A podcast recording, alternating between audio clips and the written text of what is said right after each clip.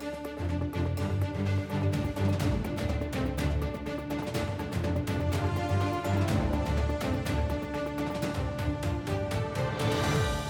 Van harte welkom bij een nieuwe uitzending van DVO Nieuws. In 2024 kiest de Vlaamse ondernemer meer dan ooit voor een multimediale aanpak. Klopt het, Dieter? Inderdaad, absoluut, eh, Ellen. We brengen verslag uit van het economische weefsel in Vlaanderen. En we doen dat via de DVO-krant en website, dat weet u.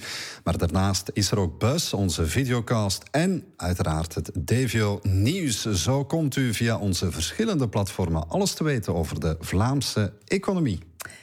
Straks hebben we het onder meer over het nieuwe cloudbeheerplatform van de Gentse start-up Cloud Sisters. Met Sven de Haak, directeur strategie bij VDAB, gaan we dieper in op de werkzaamheidsgraad en hoe we die verhogen tot 80 procent. Maar beginnen doen we DVO-nieuws met de investeringscijfers in Vlaanderen. Want Dieter, zijn wij nog steeds een aantrekkelijke locatie voor buitenlandse investeerders? Toch wel, uh, Ellen. Uh, vorig jaar werd 4,92 miljard geïnvesteerd. Goed voor bijna 5000 extra jobs. Dat is weliswaar net onder het niveau van het recordjaar 2022. Toen klokten we af op 5,26 miljard. Maar toch houdt Vlaanderen ondanks een moeilijk economisch klimaat goed stand. Volgens Flanders Investment Trade, het agentschap dat buitenlandse investeerders aantrekt en begeleidt, scoort Vlaanderen vooral met zijn expertise op vlak van kennis, onderzoek en ontwikkeling. 265 investeringsprojecten waren er vorig jaar in Vlaanderen. Twee daarvan nam de Duitse koperspecialist Aurubis voor zijn rekening. Zo werd er 33 miljoen gepompt in de bouw van een ultramoderne recyclageinstallatie in Beersen.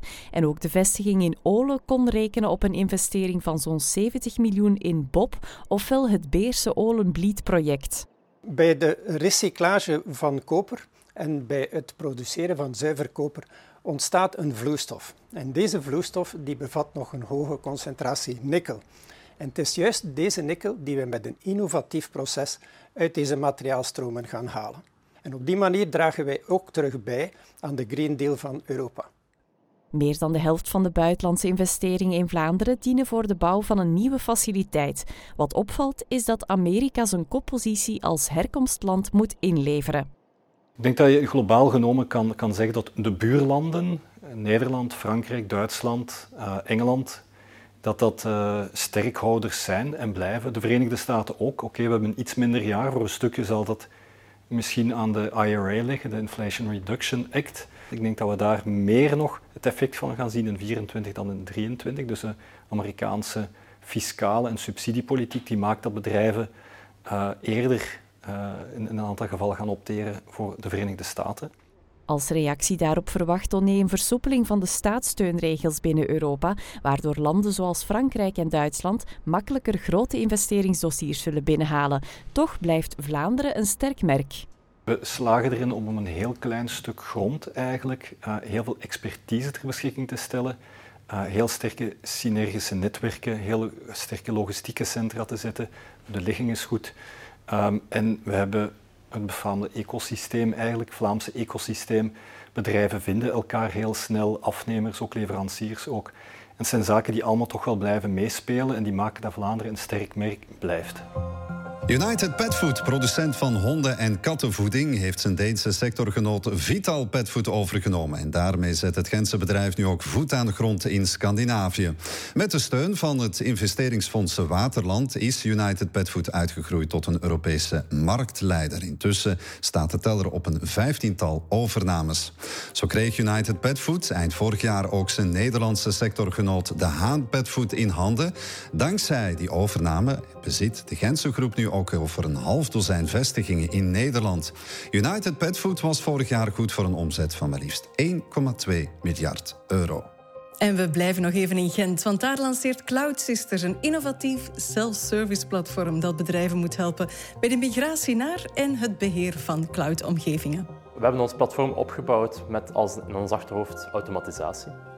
Um, door die automatisatie kunnen wij bepaalde bouwblokken gebruiken die wij zelf hebben opgezet in combinatie met de standaarden die binnen de cloud-wereld actief zijn. En dat zorgt er eigenlijk voor dat mensen heel snel zaken kunnen opbouwen. Waar dat we vroeger weken tot maanden nodig hadden om omgevingen op te bouwen, kunnen we dat nu in dagen doen. Cloud Sisters opereert onder de vleugels van Gumption. De start-up kiest voor een value first in plaats van een cloud first strategie. En dat is een weldoordachte keuze.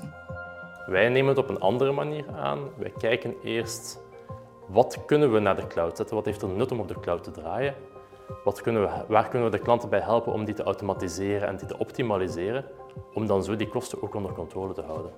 Dus vandaar dat we kiezen voor een cloud value first strategie in plaats van een cloud first strategie. Volkswagen zal op de Europese markt een aangepaste stemassistent op basis van ChatGPT integreren in zijn voertuigen. De nieuwe functie zal vanaf het tweede kwartaal van dit jaar beschikbaar zijn in verschillende Volkswagen-modellen, zoals de nieuwe ID7, de nieuwe Tiguan en Passat en ook de nieuwe Golf. Voor alle duidelijkheid, het gaat om een upgrade van de bestaande IDA stemassistent. Volkswagen is overigens niet het eerste automerk dat generatieve artificiële intelligentie toevoegt aan zijn spraakassistent. ADLC heeft van de Belgische luchtvaartautoriteit groen licht gekregen voor het uitvoeren van commerciële dronevluchten in de haven van Antwerpen-Brugge. ADLC mag tot 15 kilo vracht vervoeren en mag ook s'nachts vliegen. De Duitse chemiereus BASF zal de drones gebruiken om stalen van chemische producten te vervoeren tussen verschillende locaties in de haven. Intussen zijn ook de trafiekcijfers van de Antwerpse fusiehaven bekendgemaakt. Wat daarbij opvalt is dat de totale goederenoverslag met 5,5% gedaald is tot 271 miljoen ton. De grote boosdoener is de afnemende groei van de wereldeconomie als gevolg van de geopolitieke spanningen. Vooral het conventioneel stuk goed, dat veel arbeidsintensiever is dan het lossen van containers, viel in 2023 sterk terug. Zo daalde de totale overslag met 18,8 procent. Ondanks alles blijft het containersegment van de haven groeien ten opzichte van andere zeehavens in Duitsland, Nederland, België en het noorden van Frankrijk. De komende tien jaar wil Port of Antwerp Bruges trouwens 2,9 miljard investeren in nieuwe infrastructuur en duurzame energieprojecten. Om zo op die manier ook in de toekomst economisch aantrekkelijk te blijven. En dan de krapte op de arbeidsmarkt. Anno 2024 zijn er voor elke 100 uitstromers maar 80 instromers beschikbaar. En de gevolgen blijven dan ook niet uit. Zo neemt het aantal knelpuntberoepen alleen maar toe. En dus moet er actie ondernomen worden. Zeker ook omdat de Vlaamse regering tegen 2030 mikt op een werkzaamheidsgraad van 80 procent. Een belangrijke rol in dat verhaal is weggelegd voor VDAB. En we praten erover met Sven de Haak, directeur strategie. Welkom. Ja, 2030, 80 procent. Eerst en vooral, waar staan we vandaag? We staan vandaag op 77 procent in Vlaanderen. Dat betekent van alle 100 mensen tussen de 20 en 64 jaar zijn er 77 aan het werk. Daarmee zitten we in Vlaanderen net iets boven het Europees gemiddelde en ook boven de werkzaamheidsgraad van 72 procent in België. Ja, het lijkt erg weinig. Het is maar 3 procent. Wat zijn de mogelijkheden om tot de 80 te komen? Ja, het is weinig, maar net zoals in de bergritten zit soms het moeilijkste stukje op het einde en ze wegen de laatste loodjes het zwaarst. We hebben berekend dat er nog 90.000 extra mensen aan het werk zouden moeten blijven of gaan om tot die 80 procent te komen. Er zitten drie grote groepen in. De eerste groep zijn de gewone uitkeringsgerechtigde werkzoekenden die een werkloosheidsuitkering ontvangen. Daarnaast een nog grotere groep met veel potentieel zijn de niet-beroepsactieven. Mensen die geen werkloosheidsuitkering ontvangen, maar een uitkering uit ziekte of invaliditeit of een leefloon of die geen uitkering ontvangen en thuiszorgen verlenen. Daar verwachten we dat we zeker 32.000 van die mensen extra aan het werk moeten krijgen. En de laatste groep, misschien wel de grootste groep, zijn de mensen die al werken aan het werk houden. Bijna 40.000 van de werkende mensen moeten we vermijden dat zij werkloos worden, ziek worden of vervroegd met pensioen gaan. Ja, een vaak gehoorde kritiek is dan wel werk moet lonen. Er is niet altijd, of dat lijkt het althans, een groot verschil financieel dan voor mensen die werken en mensen die niet werken. Klopt dat? Het klopt dat het loon een belangrijke factor is en een belangrijke randvoorwaarde ook om mensen te kunnen overtuigen om aan de slag te gaan. Maar het is niet de enige factor. Voor ons is het belangrijk om het onderscheid tussen niet werken en werken niet te reduceren tussen het onderscheid tussen een uitkering en een salaris. Werken is voor ons een meerwaarde in het leven. Het versterkt de sociale positie van mensen, het creëert een netwerk, het zorgt voor persoonlijke ontplooiing. En dat zijn ook elementen waarmee wij mensen trachten te overtuigen. Zien jullie trouwens ook een rol weggelegd voor de werkgevers? Absoluut. De, de werkgevers zijn nodig als hefboom om tot die 80% te kunnen komen. Per slot van rekening bieden zij de kansen aan de mensen, aan het talent dat nog niet aan de slag is. En hebben ze ook de gelegenheid om de mensen in hun bedrijf aan het werk te houden door een duurzaam HR-beleid te ontplooien. Voor mensen die nog net niet goed genoeg zijn om in het bedrijf te komen, pleiten wij voor opleiding op de werkvloer. Je moet een beetje vergelijken het HelloFresh-model versus het Deliveroo-model. Vroeger kon je de Deliveroo bellen als werkgever en kreeg je een kant-en-klare kandidaat. Dat lukt vandaag niet meer. Het is meer de ingrediënten die je krijgt aangeleverd en die je dan zelf tot de meest geschikte werknemer moet brengen. Ja, want die witte bestaat niet. Hè. Dat hebben we ondertussen allemaal begrepen. Dankjewel voor het heldere gesprek, meneer De Haak. Graag gedaan. Het Belgische bedrijf NextGenix werkt samen met de Karel de Grote Hogeschool en de Universiteit Gent aan een innovatieve online tool die medische verslagen toegankelijker moet maken voor hartpatiënten. Daarbij wordt gebruik gemaakt van artificiële intelligentie. De tool vertaalt medische verslagen naar eenvoudige taal, waardoor patiënten de gezondheidssituatie beter kunnen begrijpen. Als patiënt kan je eigenlijk een foto nemen van je medisch verslag. Dat maakt niet uit of dat op papier staat of online. En vervolgens gaan eigenlijk de tool de medische termen gaan herkennen, gaan arceren. Als je daarover gaat, krijg je een korte uitleg. Je kan dan ook doorklikken voor meer uitleg. En ook de betrouwbare bron staat eigenlijk steeds vermeld. Ook daar kan je nog op doorklikken, moest je meer informatie willen. Belangrijk hierbij is dat alle uitleg betrouwbaar is en dat dankzij artificiële intelligentie de uitleg ook steeds op een heel eenvoudige manier geschreven wordt. Bij NextGenix zijn ze ambitieus en willen ze de tool in de toekomst uitbreiden naar andere medische domeinen. Verder hebben wij ook de ambitie om het ook in meerdere talen beschikbaar te maken en niet enkel binnen één taal, maar ook binnen verschillende talen, waardoor dat wij een oplossing gaan bieden voor de anderstaligheid in de zorg, wat toch wel een zeer actuele problematiek is. Elamco, de vastgoedgroep van de familie Gijsers, heeft een kapitaaltransactie van 19 miljoen euro doorgevoerd bij Meet District. Het geld was bedoeld om de aanzienlijke opstartverliezen bij de coworking specialist aan te zuiveren.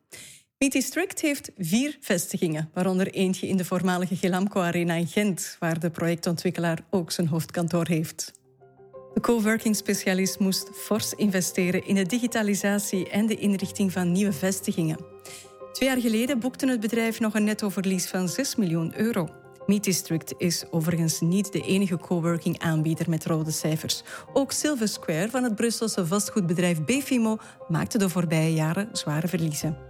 Antwerp Airport heeft vorig jaar een aanzienlijke groei neergezet met de toevoeging van extra bestemmingen zoals Tenerife en Gran Canaria en ook de komst van nieuwe luchtvaartmaatschappijen realiseerde de luchthaven net geen 260.000 passagiers, ofwel een stijging van 8,5 procent in vergelijking met 2022. Het zakenvluchtsegment, dat tijdens de covid-pandemie groeide, is nou weer gestagneerd. Multifarma, een zorgverlener in de eerste lijn Gezondheidszorg heeft 370.000 euro geïnvesteerd in zijn productiecentrum in Alleur. Het geld moet dienen voor de aankoop van twee extra robots. De fabriek was overigens al sterk geautomatiseerd. Multifarma wil in de nabije toekomst nog meer inzetten op de voorbereiding van individuele medicatie voor patiënten in woonzorgcentra en andere zorginstellingen. En eindigen doen we met een overname. GTEC, een dochterbedrijf van Katoen Nazi, is dat, neemt het Spaanse Gomez Madrid Soluciones Industrialis over. GTEC maakt sinds 1999 deel uit van de Katoen-Natie-groep en is gespecialiseerd in process engineering. Vooral voor klanten in de voedings- en chemiesector. Volgens CEO Jim Kivit was de overname een niet te missen opportuniteit voor GTEC. Wij als bedrijf wij specialiseren ons in bepaalde niche-markten. Denk daarbij aan koekjes, breakfast cereals, ofwel PVC-vloeren, vinylvloeren. Maar cosmetica zijn we niet actief. En zij hebben daar veel kennis. En dat is natuurlijk ook veel liquids en droge stoffen. België kent veel cosmetica bedrijven. Dus dat is mogelijkerwijze voor ons een mooie nieuwe niche waar wij wereldwijd kunnen gaan acteren. Om de verwachte groei mee te ondersteunen, investeerde GTEC in twee nieuwe testlabo's. Omdat wij werken met poedertjes in alle mogelijke vormen uh, en die te behandelen is niet evident. Vloeistoffen kan je relatief makkelijk uitrekenen. Maar poeders die gedragen heel anders. Kijk in je eigen keuken of je nou zout pakt of suiker pakt of bloem of gemalen suiker. Allemaal andere eigenschappen. En in de installatie die wij bouwen moeten wij rekening houden met die eigenschappen. En om dat te kunnen simuleren hebben we een testruimte waar klanten hun producten kunnen naartoe sturen en waar wij live kunnen testen voor die mensen hoe hun producten gaan reageren en kunnen zo optimale installaties designen. En daarmee zijn we helemaal aan het eh, einde van deze DVO nieuwsuitzending gekomen, Ellen. Zo is dat. Maar weet dat u de Vlaamse ondernemer gewoon kan blijven volgen via de website en de krant. Bedankt voor het kijken. We maken graag een nieuwe afspraak met u eind deze maand. Dag graag, tot dan.